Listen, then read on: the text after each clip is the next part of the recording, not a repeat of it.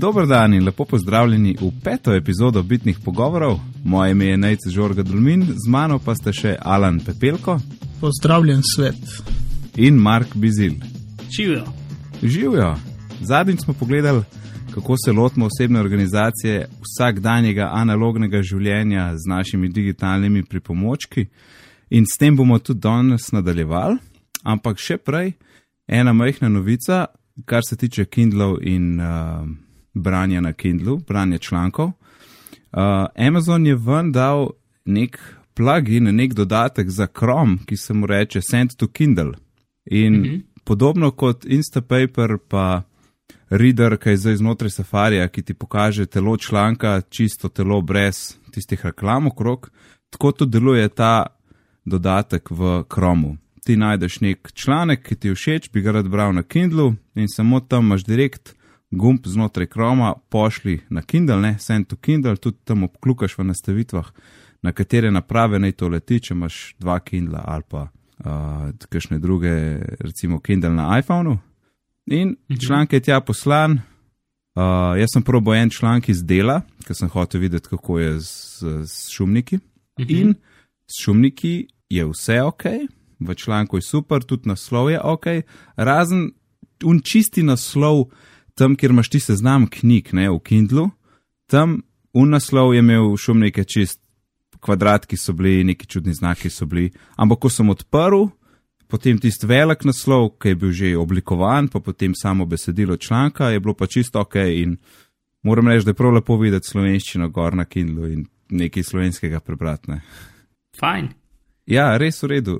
In tič, zadnjič v, v drugi epizodi, ko smo govorili o Kindlih in ta funkcija, ki ima Instapaper, da pošle po noči članke, recimo deset zadnjih člankov, ki imaš shranjenih, ti pošle na Kindle v obliki take majhne revije, je sicer super, ampak uh, super je zato, ker imaš vse, vseh deset člankov v obliki ene revije, ampak minus je pa glih to, da imaš vseh deset člankov v obliki ene revije. Ne? In zdaj problem je, če imam jaz na Instapaperju pet velikih člankov, nekako ne morem jih brisati, vsakega posebej, ki preberem. Ne? Jaz moram imeti tisti en Instapaper paketek, dokler vseh ne preberem, preden zbrišem. Veš, po tej strani je to minus. Po drugi je pa fajn, ker me jih ne revija. Po, po drugi strani pa imaš opcijo na spletni strani od Dista Paperja, lahko vsak članek posebej si še pošlješ. Tako da pride kot Kindle, eh, na Kindle pride kot samostojna nota. To jaz recimo uporabljam. Torej v nastavitvah to, kar ti avtomatično pošle po noč. Uh, ne, ne, je, moram iti pogledat. Uh -huh. Pa še nekaj je bilo, zelo kaj iščeš. Pri Instapaper, Instapaper običajno ne shranjuje slik v članku. Ta Send to Kindle, eh, dodatek za Chrome, mi je zraven dal še sliko črno-belo, jasno, ker je tak bralnik tistega članka na delu. Ne? Tako da tudi te slike so bile zraven in je dobro izgledalo.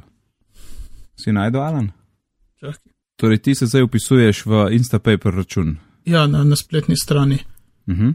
Ne, ne, veš kako je, v bistvu ti, uh, ti pošlje, pa če imaš ročno za narediti tako kot, uh, kot je tisti avtomatizem, ki ti pošilja paket člankov, tako imaš tudi na spletni strani. Ker Torej, je pač torej ročno pošlješ vsak članek.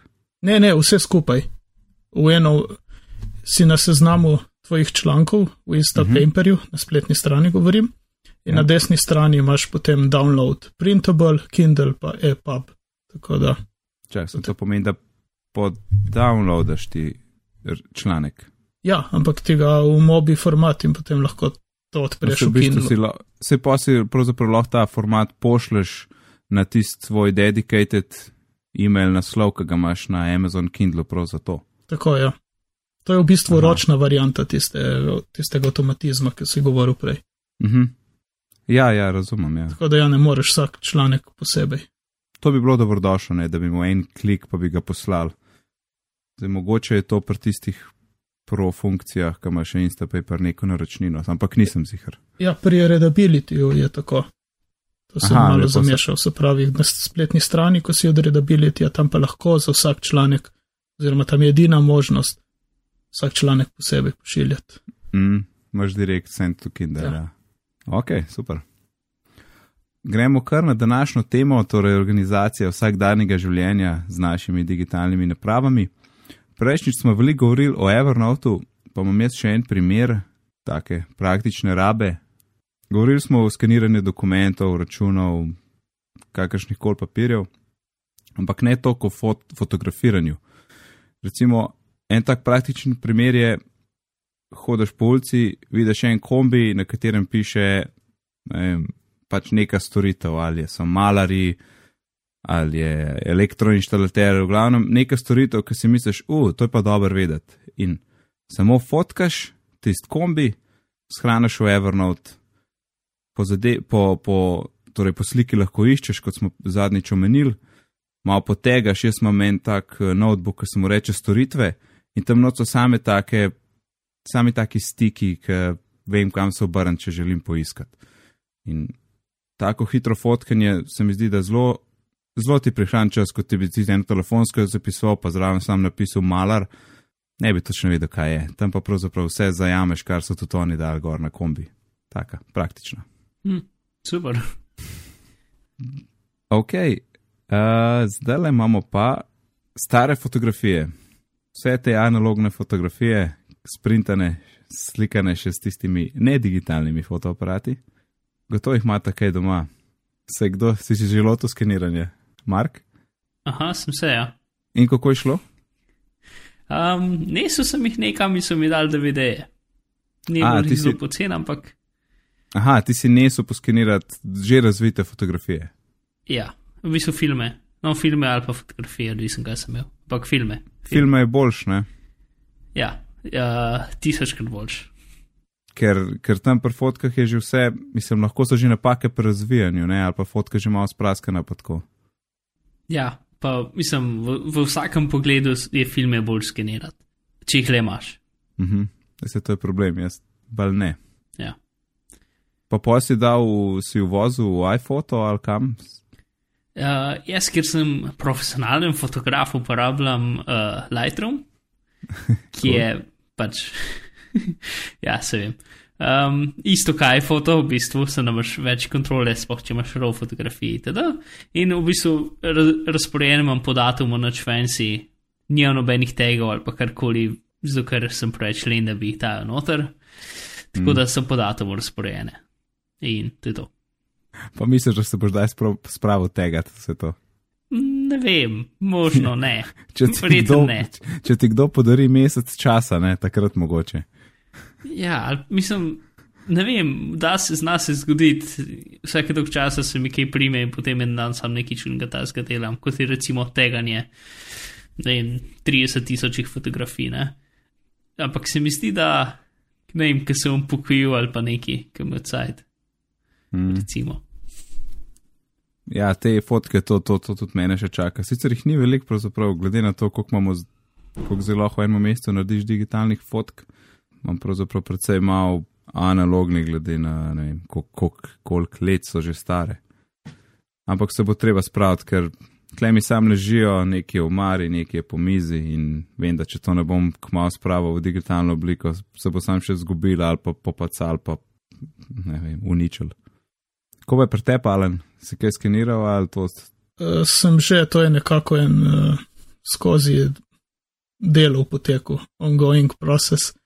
V bistvu sem najprej skeniral uh, tiste najstarejše slike, črno-bele še, in one, ki so tudi že poškodovane zelo.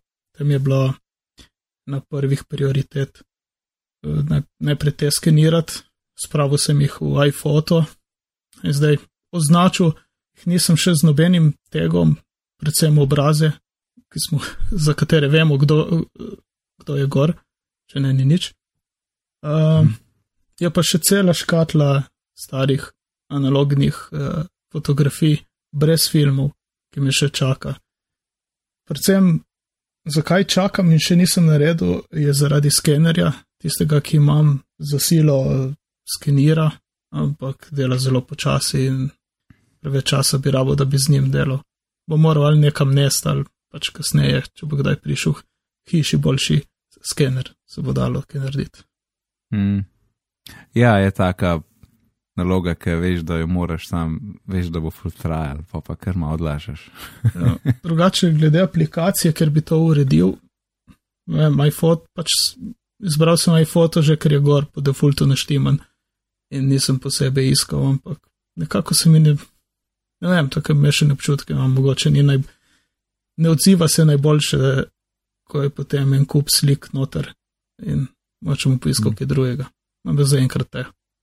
Ja, jaz tudi, ker iPhone je dovolj za pot moje potrebe.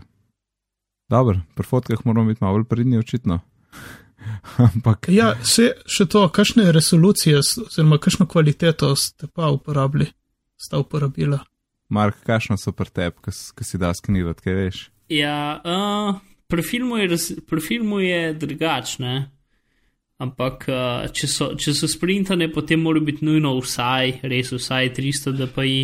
Če pa film, mm. pa pa čim več, to je nekako odgovor. Mislim, pa prijež do neke resolucije, ki vidiš vsako zrno in je brez veze. Ne? Ampak, uh, kaj je 1600 vsaj, no, uh, da, torej uh, pik na inč.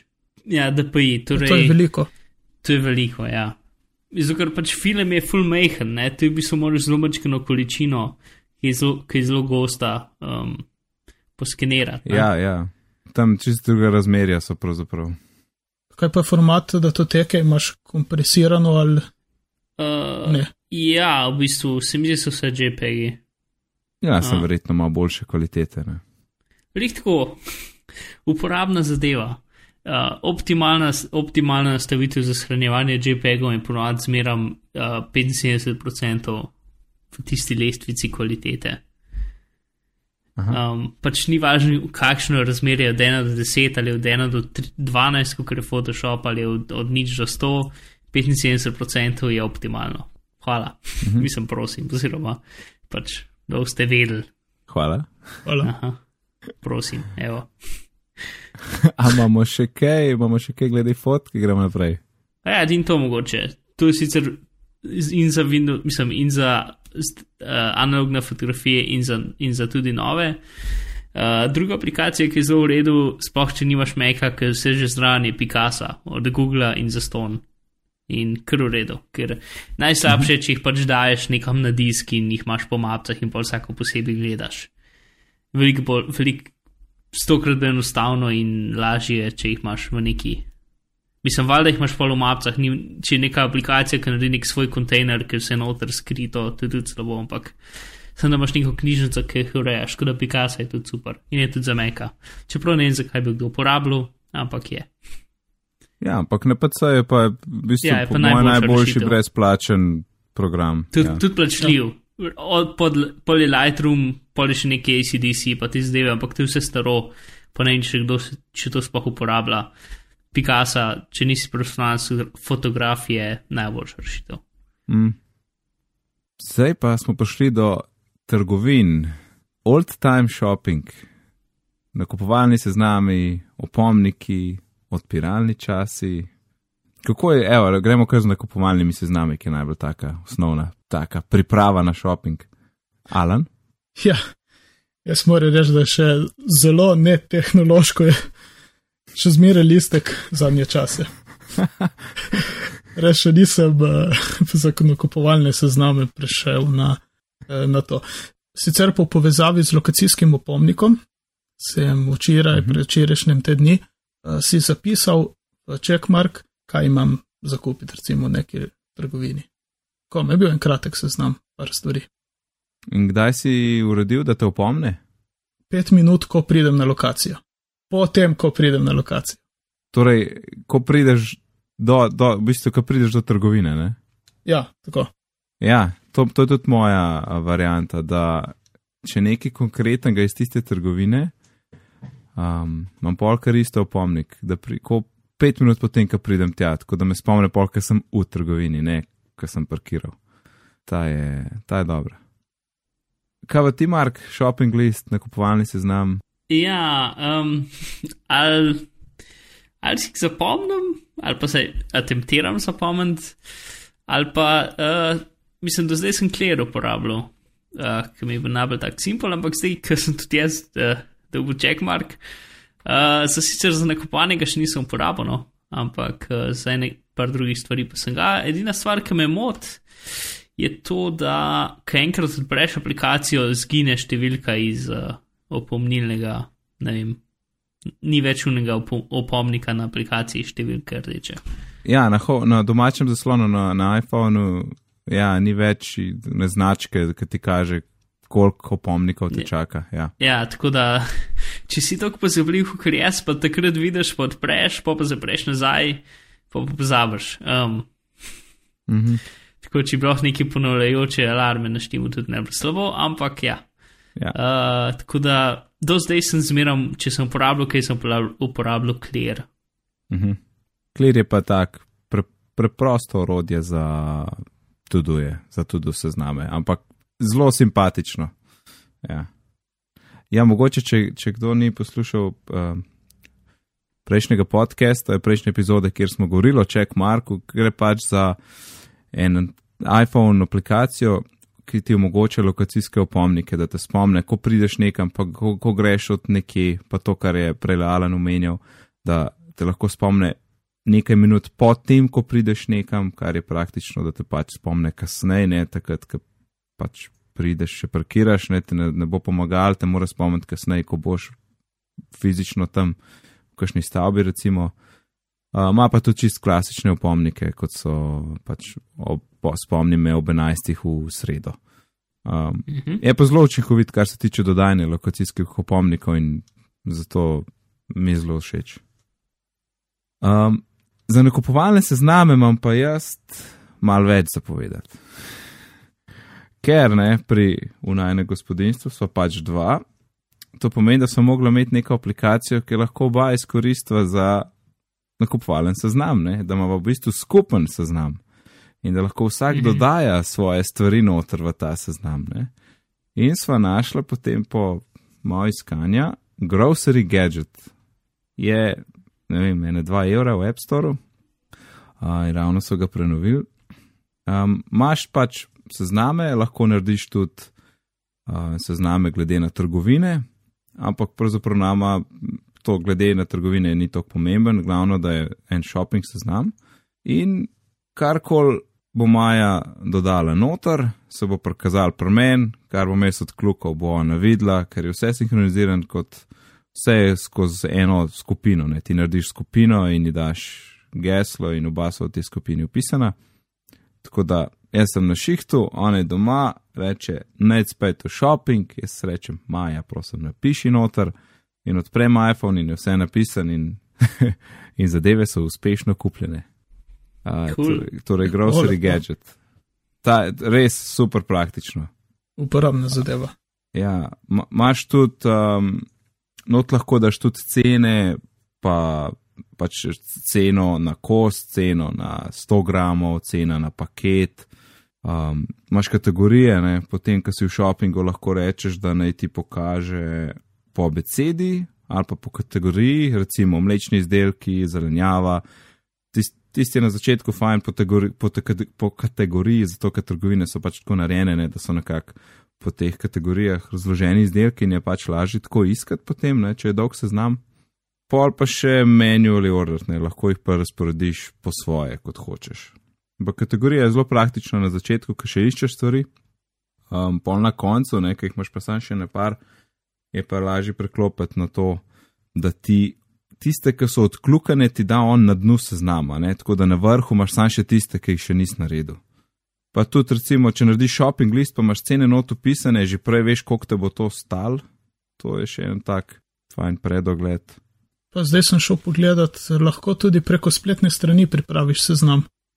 Ja, tako je. Um, ja, se zdaj, ki si rekel, spletna stran. Na začetku je bilo tako, da v sami aplikaciji so, je bilo, ne vem, rečemo, da je bilo 50 izdelkov v angleščini. In jaz sem vse to ven vrgu in sem slovenska imena dal, plus to, da sem vse to lahko na strani naredil, kar je veliko hitreje kot tukaj. Ne? In pa je tudi fajn, zato ker imaš ti bazo teh izdelkov. In ki jih dodajaš, ni, ni treba pisati kar uh, ne, ampak rečeš kar, pa ti on že tam vse, kar je na kar ven vržene in sam poklukaš tiste stvari. Po količino dodaš. Sej, sem prej omenil, da jih shranjuješ, pa daš ceno, ampak ta seznam je full prav ti pride za kasneje, ko stvari noter opisuješ, da jih ni treba na roke, ampak se pravzaprav iz seznama živil odklukaš, kaj bi rad kupil. Ja, ni, na, sicer ni, ni med najlepšimi api, čeprav zdaj, odkar je bila posodobitev, je lepš, ampak je pa zelo funkcionalen. Tako da mislim, da ga po mojega uporabljava že ene dve leti in uh, se super obnese. In to je grocery gadget. Ha, sam, kdaj, kako pa vemo, kdaj je v shopping? Uh, ciljem na odpiralne čase. Nec, pogledamo na odpiralne čase. Ne. Res, Mark, kaj pa je to? Uh, hm, se mi zdi, da je aplikacija. Ja, odpiralni časi so aplikacija, ki um, ti poje odpiralne čase in zapiralne čase različnih uh, trgovin, kdo bi si mislil. Ti jo odpreš, daš noter, uh, najprej ti ta lepa lista vsega mogočega. Uh, banka, bankomat, benzinska črpalka, gostilna, knjižnica, lekarna, lokal, ostalo, pošta, trgovina, Wi-Fi, zavarovalnica. Ti recimo, zdaj tukaj naš primer trgovina, rečeš trgovina, potem rečeš recimo Merkator, taka zadevca za scrollanje je. In potem rečeš iskanje in ti pokaže vse, ki so okoli tebe odprti trenutno. Uh, in lahko naštimaš radi itd. In ti pove, recimo, najbližji Merkator je 400 metrov stran in je trenutno zaprt. Lahko klikneš gor, ti daš maš lahko uh, zemljevid, celo telefon, od, vse odpiralne čase, celo pokličeš jih lahko, vse pač, celo komentiraš lahko zadevo. To potem lahko tudi iščeš bolj napredno, recimo, uh, ne vem, Merkator blizu nečesa, pa daš drug kraj, da ni blizu tebe, ampak blizu nečesa drugega. Uh, tako da je izjemno uporabna stvar, recimo za bankomat, ta je tak dober primer. Pa, uh, ja, bankomati so zakon, pa benzinske ja. črpalke. Ko se voziš nekje po Sloveniji in ne poznaš lokacije in lučka za benz že gori, pol odpreš odpiralne čase, pogledaš, kje je najbližja črpalka. Ne vem čisto, kaj je razlika med lokalom in gostilno, ampak. Ja, mislim, da v, v lokalu recimo, da ne moreš jesti. Ne? Aha, ja, v bistvu. No, ja, no, in ta stvar ima dokaj velik, uh, ko se temu reče, točk interesa, kot bi rekel Garvin temu. ja. Uh, in je pač baza podatkov, ki, jo, ki je tudi na internetu in jo lahko, uh, ne vem točno, naj oni upgradejo ali lahko sami prodajalci upgradejo, ampak je zelo dobra. Mislim, za Slovenijo, pač to je samo za Slovenijo, ampak je super. Mm. Ja. A, sebi so v sami aplikaciji, imaš dodaj in potem lahko dodaš nov uh, biznis noter. A, to je pa novo, ja. to pa se mi zdi, da tale dodaj. Ja, jaz tudi kar videl. ja. Ja, na spletni mm. strani pa lahko tudi urejaš uh, urnike, če so napačni, oziroma označiš, da je recimo to tvoja storitev, tvoja trgovina. Če se recimo pojavi gor pred tabo, preden je tih kot upravljalec, daš gor. Mm, yeah. Drugač pa je na voljo za Android, iOS in Windows Mobile. Super. Ja, pa ima pa še to funkcijo, da imaš lahko um, z aplikacijo lahko nekatere trgovine popuste in nekako z aplikacijo lahko.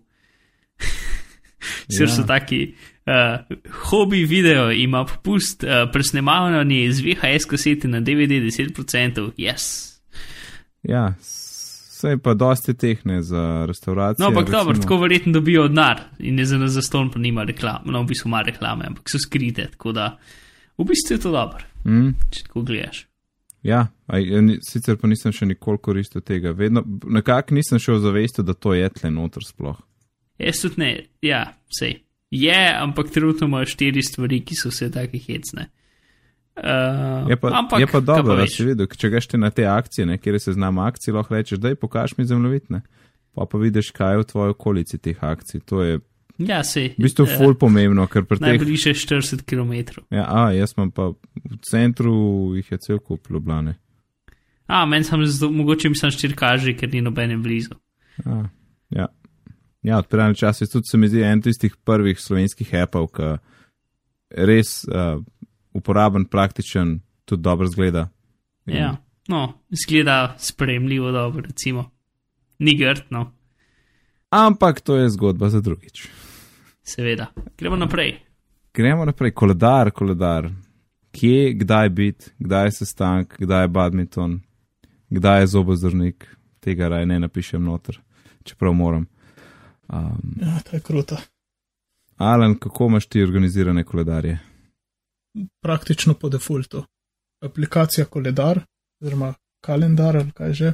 Kaj govoriš o iPhonu? Ja, v iPhonu. Uh -huh.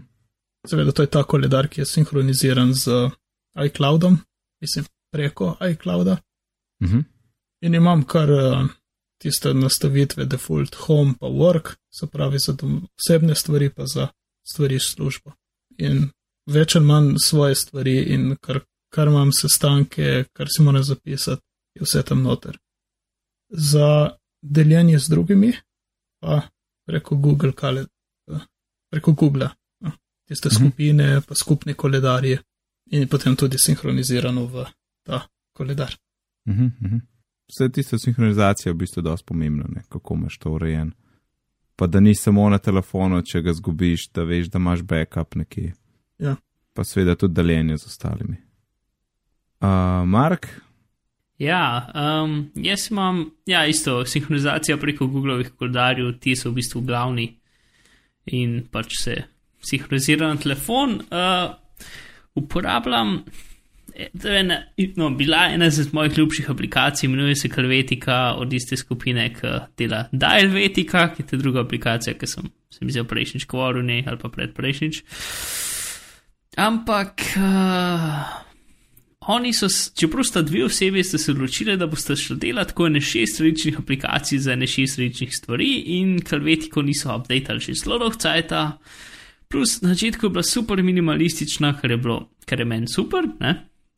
Uh, in potem so pododali, dodali funkcije, in zdaj ima v bistvu za me skoraj preveč funkcij. Ampak zdaj v bistvu zgleda skoraj kot default uh, koledar, s tem, da če, zgo- če, nič, če nič drugega, ki imaš v pogledu, kaj je to za en dan, na mestu, da imaš od spod zaslona tako dve male črtice uh, tega, kar se tisti dan dogaja, ne? Mhm. imaš v bistvu čez polovico zaslona uh, dnevne, dogo- dnevne in je pač ta, ta del koledarja bolj majhen. Tako da imaš vsaj nek dober pregled, če obrneš, imaš cel teden itd. Uh, dokaj standardno, pa sam input je dost hitrejši. Mislim, vse je v enem zaslonu, ni tako kot v kalendar aplikaciji, ki je kar mal zadelati. Tako da ja, ni več tako minimalistična, ampak še smeram kar v redu, čeprav zdaj sem počasi že obupan nad njo. Tako da zdaj v bistvu ne bi priporočil. Uh, ja, drugače pa jaz vse moje stvari pišem v koledar preko računalnika, preko uh, kaj že, um, kaj, kaj že, testik, A, čakaj, uh, vem, kjer ga misliš. fantastical, Ja. to. Uh, in ja, jaz se svoje stvari dajem v sam koledar preko Make aplikacije, ki se imenuje Fantastical, uh, ki ga odpreš in potem sam napišeš v enem stavku, kar hočeš, pritisneš enter in to. to. Uh, ni ful nekih izpolnjevanj okvirčkov, itd. Ampak pogrunta, kaj si hotel. Sem to vse v angleščini, ne? Ok. Uh, Moraš v angleščini, čeprav jaz sem zdaj tako narejen, da če napišem pon, pa recimo pon kot ponedeljek, pritisnem presledek, uh, mi avtomatsko zamenja uh, Monday. Kako pa to ve? Uh, ena druga aplikacija, ki se imenuje uh, Text Expander, A, ima pač ja. bližnjice. Bomo tekst suspender enkrat drugič pogledali. Aha, ok, torej ti napišeš pon in ti samo celo besedo ti zamenja z mon. Ja, A, ja. točno tako. Zato, ker sem len in se mi, in, in se mi ne da angliščine pisati zaradi nekega razloga. ja, M-O-N, to je too much. Ja, ne si pa sreda in četrtek, nikoli nisem čist siguren, kaj so. Um, ki so rahlo čudni v angliščini. Kako imaš pa Glavno. sinhroniziran? Google. Google, ja, vse preko Google. Ok, naj še jaz razložim. Um, isto, sinhronizacija prek Google, tam so doma, uh, teli koledari različni. Um, imam osebnega, imam enega, ki ga deliva z ženo, da veva, kje sva, ker drugače nimava pojma, kje sva. Potem je en služben, pa še en služben, da vemo, kdo je odsoten v službi, pa še en služben, da vemo, kdaj je sejna soba zasedena. Ampak mislim, da v nesejne sobe po odsotnosti službe nimam sinhronizirane na telefon, ker mi ni to pomembno, to moram v bistvu vedeti, ker sem jaz tam v pisarni. Uh, tako da načeloma tlele v mojem koledarju je samo osebni, uh, pa ta z ženo, pa ja, je pa še, ta, še eden je potem od jabolko ORG, da vemo, kdaj in katere članke kdo piše. To je potem še tisti eden. Um, na iPhonu ne uporabljam tiste Apple aplikacije Calendar, ki pride z iPhonom, ampak uporabljam Agenda, Agenda se imenuje app. Zelo simpel je dodati nove, nove, nove dogodke, kjer na katerem koli pogledu si imaš vedno na voljo spodaj plus, daš plus, upišeš ime, recimo bitni pogovori, bitni, potem imaš takoj, kdaj se začne, to je vse na vrhu, neč mi ni treba scrollati rečemo uh, 13 in podaj, poveš, kdaj je konec, to je vse tudi na vrh, ni treba scrollati, konec je ob 17, dan in fertik. Ne, in je bilo že, so to bilo sicer opisano za današnji dan, ker sem bil dan na današnjem dnevu, ampak recimo, če bi šel na Friday 19, sem zdaj noter v petko in spet dan plus in samo pišem direktno noter. Je pa tako narejen v takih, um, v tem v agendi se premikaš levo-desno. Tako da, če greš čist na levo stran, pridem jaz do pogleda, kjer vidim šest mesecev, torej pol leta vidim tle, od julija 2012 do decembra 2012, ki ti tako razbije. In zdaj, če bi šel jaz na tem pogledu do, gor pa dol, bi skakal po šestih mesecih nazaj, pa po šest mesecev naprej. Tako da se da zelo hitro prideti, recimo, evo, sem na marcu 2015 zale in 15. marca 2015 je nedelja, recimo, če koga zanima. Um, to je ta, ta prvi pogled, šest mesecev. Zdaj, če grem eno v desno, dobim mesečen pogled. Lepo piše oktober, ponedeljek, to je četrtek, petek, sobota, nedelja in lepo od 1 do 31. In tudi pod vsako besedo, uh, pod vsako črko, no, mislim, pardon, pod vsakim. Pod vsako številko, ne, pod vsakim dnevom so take pikce barvne. Uh, vsaka barvna pikca pomeni en dogodek iz enega koledarja, ne? ker vsak koledar ima svojo barvo. Tako da, vem, tle za, čet, za četrti oktober vidim, da je rdeča, pa modra, pa rumena. Da ne me vprašati, kaj pomenijo, ker nimam pojma. Ampak, mhm. ko vidiš tak pomesečni pogled s temi pikcami, ti je lahko hiter jasen, kje dneve si frej, pa kje dneve nisi frej. Ne? Tak, fajn pregled. Zdaj, če grem še za eno desno, dobim pa dneve navzdol. Ne? Imam vrstico Sunday 14. oktober, pa naslednji ponedeljek 15. in desno od tega velike, te velike številke 15 imam pa dogodke upisane. In vidim danes pač bitni pogovori, zvečer, uh, naprej torek s tri dogodki, sreda so tri, četrtek sta dva, v petek je en, potem sobota, nedelja sta pa prazna če grem zdaj še za eno desno, pa pridem do današnjega dneva. Če bi hotel en drug dan, bi ga mogel tapkati. Če ga hočem na pet, petek 19. ga tapkam, pridem noter, če pa sam zaslajdem v desno. Aha, ne, ni, ni res, kot sem rekel. V bistvu tisti, ki sem ga zadnjega imel izbran, je, desno, je v desno. Ne? Ampak v bistvu lahko tapneš, pa prideš noter v dogodek. Uh, pardon, v dan. In tudi tle, in tej agendi je res lepo, ker je zelo je čista, ni nepotrebnih stvari, pokaže ti točno tisto, kar rabiš, ne preveč, ne premalo. Tudi tukaj, zdaj, ki sem na dnevu, velik piše z veliko 14, Sunday, oktober, spodaj so dogodki, potem je pa še ta majhen koledarski pogled od 1 do 31, da kljub temu, da sem jaz zdaj na 14. oktobru, imam še vedno nek kontekst, kje je zdaj to znotraj meseca, pa kjer dan je. je tak, super pogled. Um, ne vem, zakaj ne še rečem. Zelo je klin, zelo čist pogled, pregleden, hitro se da stvari dodajati noter. Pa, pravzaprav na kjer vprašanje. Eh, še tole, ja, ja. dobiš tako. Ja, Mark, evo. tako odgovorim na tvoje vprašanje. Sam da uh, na vsakem pogledu, kjer si ga šlo v bistvu levo, desno, ne, da skačeš med temi kategorijami, pa gor, dol. In zdaj, tu če sem jaz na dnevu, pa, pa grem pa hočem iti gor ali pa dol, pridem potem na 14., 15., 16. oktober ali pa kjerkoli drug dan. Ampak skačeš potem po dnevi gor in dol, recimo, ne? tako kot po mesecih, prej, ki sem omenil, kjerkoli si.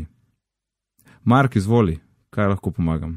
Evo, uh, dve stvari. Uh, a ima možnost uh, dodajanja teskov noter v koledar? A, tesk kot nekaj, ki bi klukal. Ja, kot Google uh, oziroma Apple koledarji podpirajo, da daš lahko teske noter, ne? A, ne, Uh, ne. Ok, dobro, super, tega nočem. Jaz tudi ne. Uh, Mo ja, drugo. ker imam še druge načine, ker, ker to ima kalvetika in se ne da skriti. In pač jaz to ni nekaj, kar bi hotel, da koledar Se dela. strinjam. Drugo pa, ko nekaj dodam, a lahko preprosto rečem, uh, to je od 3 do 4. Um, Uh, ne, to je od 3 plus 1 uro, ampak to je od 3 do 4. Ali pa od 3 pa do 7 in pa pol. ji- Ne o, od 3 pa čez 2 ure. ja, ja, to je točno tako. Vse sem na začetku opisal, ampak lej, če jaz dam, jaz dam plus. Najprej imam event title, mm -hmm. zdaj že tipkam. Rečemo Mark nekaj. In pa imam starts pa ends. Starts 13, ends 19, evo 19, 30. Dan in imam upisano, fertik. Ne?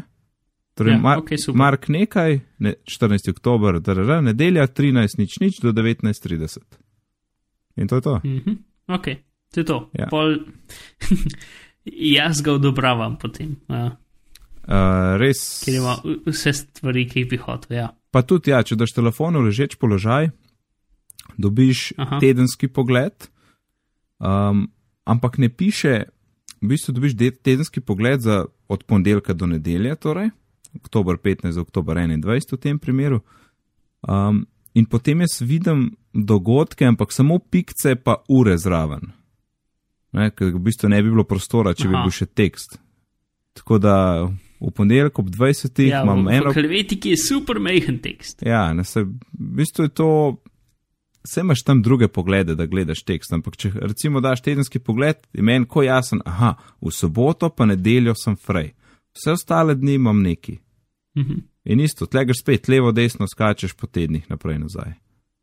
To je ta ležeč pogled. Drugač pa jaz se v glavnem uporabljam tega, ker imam dneve en za drugim, tako v, v seznamu.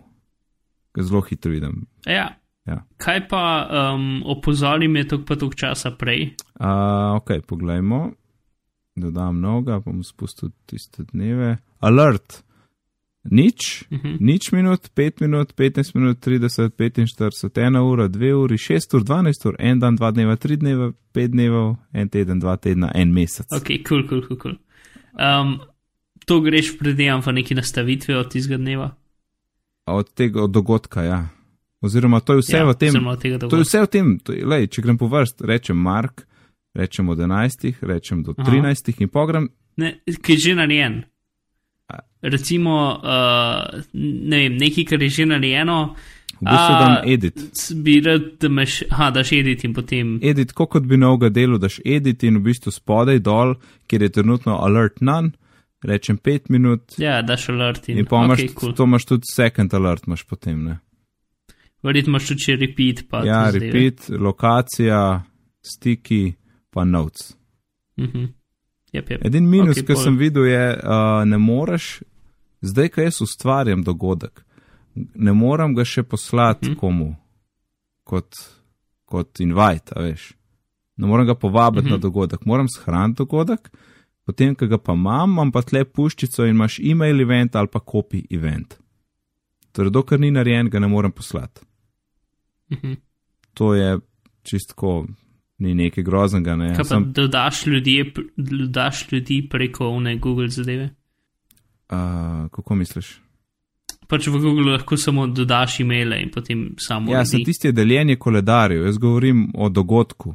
Če je en iz, drug, Ja. iz druge firme meni povab na dogodek, mi običajno pošlje mail, v katerem je priponka za ta dogodek. ja sej. Uh, Ker to, kar je v Google, je pa ali- koledarjev. a Ne? ne, ne, imaš prav šeraš lahko event, invitaš nekoga v event, ampak isto z linkom, ne z uh, ICS. Ja, ja, no, sej, to je tudi v Google, ja, to imaš čist prav. Ok, no, v glavnem, sliši se zelo dobro, meni edin, uh, trenutna stvar je edina ikonca, ki mi ni tako zelo grozno všeč. Aj, ne, Ja. konca je super. Pa taka drugačna je od ostalih, hitro jo vidiš. No, vse. In to je torej eh, agenda, ki je, ne vem, evro, dva, Ja, neki da za 80 centov, pač. ok. A res? No, 80? no, 79. meni se zdi, kdorkoli no, kdorkoli ni zadovoljen s koledarjem od iPhona, naj pogleda agendo, ker je res, res v redu app. Bomo probali.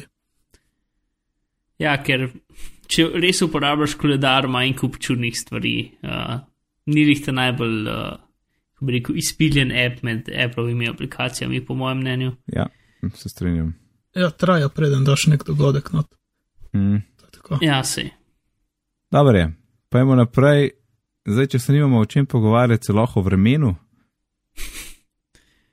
Ja, kje gledate vreme, kako poveš, da daš, kakšna je napoved, kakšna, mat, kakšna je vajna praksa. Jaz sem probil približno 15 ali pa 16 različnih aplikacij za vreme. Ne vem. To je zanimivo. Aplikacije za vreme res vsak mesec pride ena, ko ima čist drugačen način uh, prikazovanja vsega mogočega. Ampak zmeram default aplikacija oziroma uh, notification center. Potegneš dol, vidiš, kakšno je vreme. Če te zanima več, pritisneš gor. Aj, to je zdaj default iPhone. aplikacije za vreme. Ja. iPhone, ja. Uh, nekako samo na iPhonu gledam vreme. ja, tudi jaz. Uh, to potem pa zdaj sicer tega ne delam več, ampak nekdo je naredil aplikacijo, ki v bistvu vse, kar je bila, je to, da je, da je bila noter tista slika iz uh, Ars, iz uh, Ja, agencije. eto, urada, za, u, urada za vreme, recimo. uh, Agencija Republike Slovenije. radarska slika. Slovenije. Ja, Ja. Um, radarska slika Slovenije, na kateri v bistvu GIF animacija, na kateri je kazalo, kako so trenutno vremenski oblaki po Sloveniji, pa kam se premikajo v zadnje pol ure. ja, zadnjih par ur, pravzaprav. Ne, Ja, no, a pa ena ura mogoče. Ja. nekaj tasga. Ja. No, in nekdo je naredil aplikacijo, vse kar je bilo, da je v aplikaciji ti tisti GIF pokazal, plus uh, da ti je pikcal tam, ki si in to je to. Ja, ta, ta app jaz še kar uporabljam, imenuje se Padavine, ki ni več na voljo, kot sem videl. Zdaj je neka razširjena Ja. verzija tega na voljo, ki ima še druge stvari zraven in mislim, da je evro 59, pa se isto imenuje Padavine, se mi zdi. Ampak ta, ta star je pa točno to, kar si rekel. Samo GIF animacija iz Arsota radarske slike padavine v Sloveniji. In, ta, in to v bistvu ta pikca, kjer ti kaže tvojo lokacijo, je zelo koristna, ker ta zemljevid je pravzaprav samo črta je okrog Slovenije, črno-bela črta in mislim črno-bela, belo ozadje. Ja, pa ena pika je zelo ljubljena. Ja, pikce za Ljubljano, za Kran, za te večje mesta. In če si ti nekje ne v večjem mestu, tako nisi čez zihar, kje si zdaj na zemljevidu, glede na tisti dež, ki prihaja. In ta pikca zelo pomaga pri tem. Ja. No, sej preprosto, ampak lahko rečeš, aha, v naslednje pol ure bo držal, Ja, ali je, ne bo držal. to je meni super praktično, kot sem že menil, imamo vinograd. In ko greš špricati vinograd, zelo ne rad vidiš, da pol, ko si končal, začne dežvati. Ne? In vedno mm -hmm. pogledam, aha, je varno, gremo, akcija. Sicer si svoj lasten vremenar, vremenar v bistvu, ker sam analiziraš vreme, kaj bo kaj ne bo, ampak Ja, dobro. Je Se da ena ful kar- dobra aplikacija, ki se. Ja, kar, kar povejo o full dobri aplikaciji. ne. Je ena ful dobra aplikacija, ki se imenuje Dark Skies, ampak nažalost je samo za Ameriko, ki uh, interpolira te radarske, združi skup vse možne radarske slike, interpolira med njimi, tako da nivno tik, tik, tik, tik animacija, gro, groba, ampak je lepa, tekoča animacija itd. Aha. in je tako na minute natančna uh, in ima analizo noter in vse skupaj, ampak je samo za Ameriko. Puh. Tako da, če bi bilo tisto na voljo, bi definitivno tisto uporabljal. Zdaj pa default. Necka pa ti uporabljaš.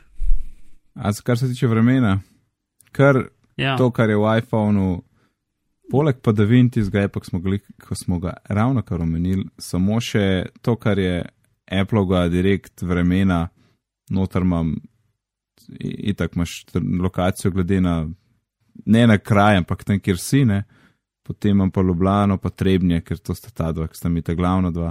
In to je vse, kar gledam tle. Potem pogledam še recimo ta procent drž, držja, ki ima možnost Apple aplikacija za vreme. Samo, če samo tapneš gor na, v bistvu kamorkoli, se ti tako razširi in pogled in vidiš za naslednjih 10 ur približno, kdaj bo, koliko procentov je, da bo dežval in trenutno kaže 30 posto, polo polnoči pa 40 posto. In to je to, to imam čist dost. Zdaj, koliko je natančna, pff, tako no, ne moram reči, da je super face natančna, ampak vreme je tako kaotično in za, zdaj kaže, da bo v petek sonce recimo v Ljubljani, kar se lahko totalno spremeni v naslednjih petih dneh. Ja, sej, del časa, ki je manjše, manjše možnost, da bo pravilno. Odprem, pogledam za približno za stopinje, za danes, za jutr, pa za vreme, tako, ampak to je pa to. Pa pretep, Alan? Ja, isto, to je default. Potegnem dol od Notification Center in za podrobnosti tapnem not in tako. In za mm. moje potrebe, koliko se jaz ukvarjam z vremenom, je čisto v redu. Hej, pustimo vreme, primir, imamo zdaj še eno full dobro temo. Knjige, e-knjige, audio knjige. Uhu. Sicer tlele, To bi lahko bila to bi bilo lahko cel podcast. A? cela epizoda samo o tem. Ja. Ja, pa bi pa, glede na to, da imamo bolj organizacijo, bi jaz en, en primer uporabe povedal, ki ga je Maja delala. Ona ima, mislim, da več kot tisoč knjig in knjige jo obdajajo, kaj je v svoji pisarni. Pravkar mi je sporočila, da ne tisoč, ampak dva pa pol, torej 2500. Um, in je uporabljala Book Collector, da je vse, ni še končala, ampak da je vse knjige v bistvu hoče popisati. In app se imenuje Book Collector, Book Collectors, uh, sem bil tudi spet popravljen, aplikacija je Book Collectors in noter pišeš ime avtorja, naslov, letnico, založbo, ISBN, številko, um, v glavnem vse. In uh, velik plus je v tem, če je te novejše knjige, v glavnem več v Ameriki, ampak tudi pri nas novejše, če upišeš samo ISBN v to, v to polje za upisovanje nove knjige, on pogleda na internet, aplikacija pogleda na internet in če je v nekem javnem registru knjig, ti potegne vse podatke od te knjige ven. Tako da ti ni treba prepisovati na roke, ker una številka je v bistvu ID te knjige. Potegne vse te informacije, ki sem jih naštel, avtor, naslov, založba, letnica. In aplikacija ima tudi uh, iPhone aplikacijo, se sinhronizira lokalno, tako da veš, kje knjige imaš. Vem, da je za njo je to praktičen primer zaradi tega, ker doskrat uh, v kakšni knjigarni kupi knjigo, ki jo že ima doma, ampak je pozabila na to. Tako da zdaj lahko preveri pred nakupom, če slučajno ta knjiga že na policah. Uh, ali pa tudi, če jo posodiš, ne lahko tam ustrezno odklukaš, komu si jo posodil. To bi bilo to na hiter. Cool. Jaz bi tukaj mogoče nekaj dodal, tako Sure. ste spomnil. Uh, je ena aplikacija, če imaš pač v bistvu zbirko česar koli, ali knjige, ali ne vem, DVD-je, filmov, ali CD-je, ali neki, ne? ker pač hočeš katalog narediti.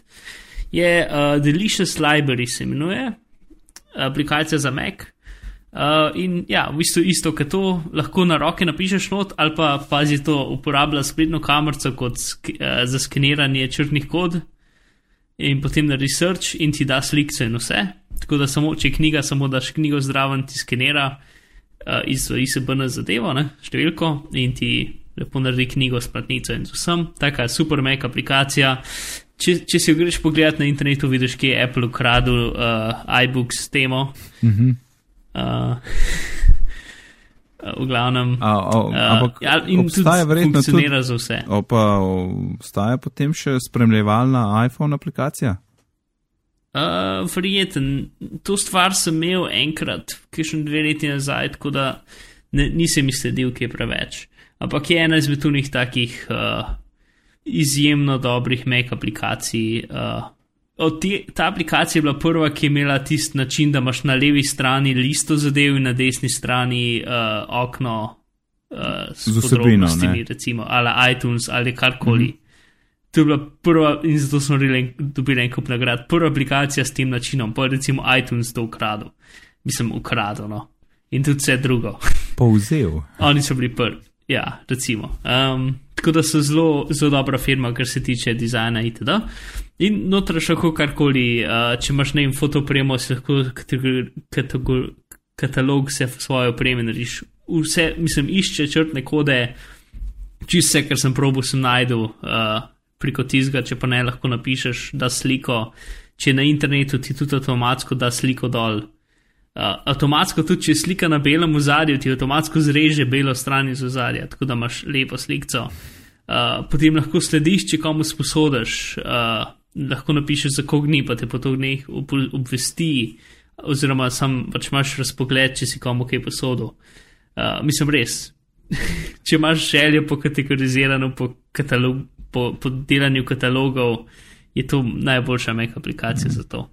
Ja, slišiš se super. Uh, Ja, ja. Pot, potrjujem, je tudi. A si ti uporabljal? Uh, ne, sem lih, uh, v bistvu zdaj sem v iskanju ene aplikacije za katalogiziranje in mi je zaenkrat ta Delicious Aha. Library na prvem mestu. Ravno zaradi vseh tistih razlogov, ki si jih naštel.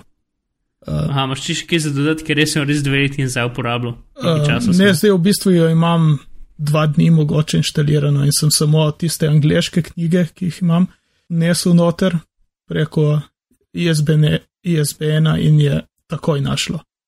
Takoj potem, ko imaš na seznamu zadetkov, je samo primeš, pa premakneš na sredo, na polico in je tam.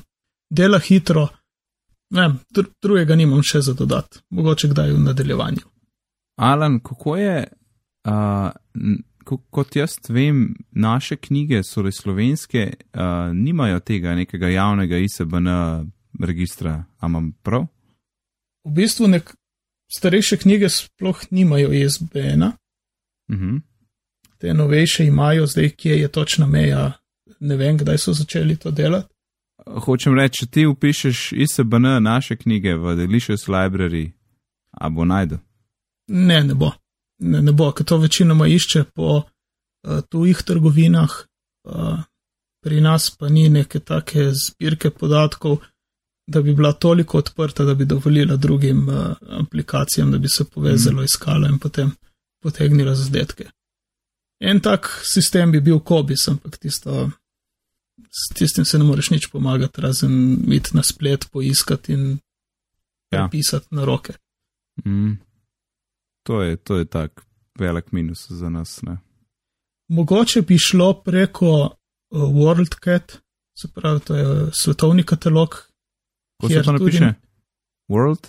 World, cat.org. Ok. No, ampak se ani kobis uh, baza deljena tudi preko World ja, Cata. Ja, tako. Zdaj ne vem, koliko v praksi to deluje. To ne, ne znam še nič povedati uh, preko teh drugih aplikacij, da bi se povezala na WorldCat, kaj poiskala, pobrala. Če lahko poskusim. No, kar da, bomo že with the magic of editing? Ne, ne, zdaj sem poskusil, uh, poskusil preko Delicious Library, ampak uh, ne gre. Ima, očitno išče samo po Amazonovi trgovini, ker možnosti ima Združene države, Kanada, Združeno kraljestvo, Japonska, Nemčija, Francija. Uh mhm. -huh. Tako da vsaj preko tega ne bo. Ja, pa pa pač, daš na ročno. Ja. ja, ja. No, bomo pol knjige, pa e-knjige, pa audio knjige razširili v kar v en podcast, ker vem, da imamo tle vsi mogoče malo posebne navade, kar se tega tiče. In bi kar počasi zapakirali tole epizodo. Uh, hvala, Alan. Kje te lahko najdemo? Zaenkrat na Twitterju, Alan Pepelko, brez pik, brez ločil, vse skupaj napisano in to bo dovolj za zdaj. Ok, super. Hvala tudi tebi, Mark, da si bil z nami. Kje pa lahko tebe najdemo? Hmm, odpreš Bing in napišeš noter Mark Bizil, pritisneš Enter. Ti boš uh. vsakeč povedal en drug search engine. ja. Dokler ne bom imel kaj pametnega zapovedati. Trenutno, mislim, moja spletna stran je pač blog, ki ga updatam nekajkrat letno. Uh, gor ima sicer linke do vseh drugih stvari, uh, drugače sledam video produkcija, 3D animacija itd. ampak sem rahel zaposlen šolo, če ima pa kdo kakšen kulski projekt za me, pa seveda lahko pomagam itd. Ampak uh, trenutno ni bilo nič. Spet na stran zdaj jih updateam na novo in lepšo, ki bo imela portfolio itd., ker ta zdaj bolj nič nima. Tako da za zdaj Bing je Bing. moj odgovor. Ok, Bing. v redu, hvala. Moje ime je Nec, na Twitterju pa me najdete pod zdevkom NecD. Sicer pa se profesionalno ukvarjam z izobraževanjem, gradim e-tečaje in pa tudi pišem za jabolko.org.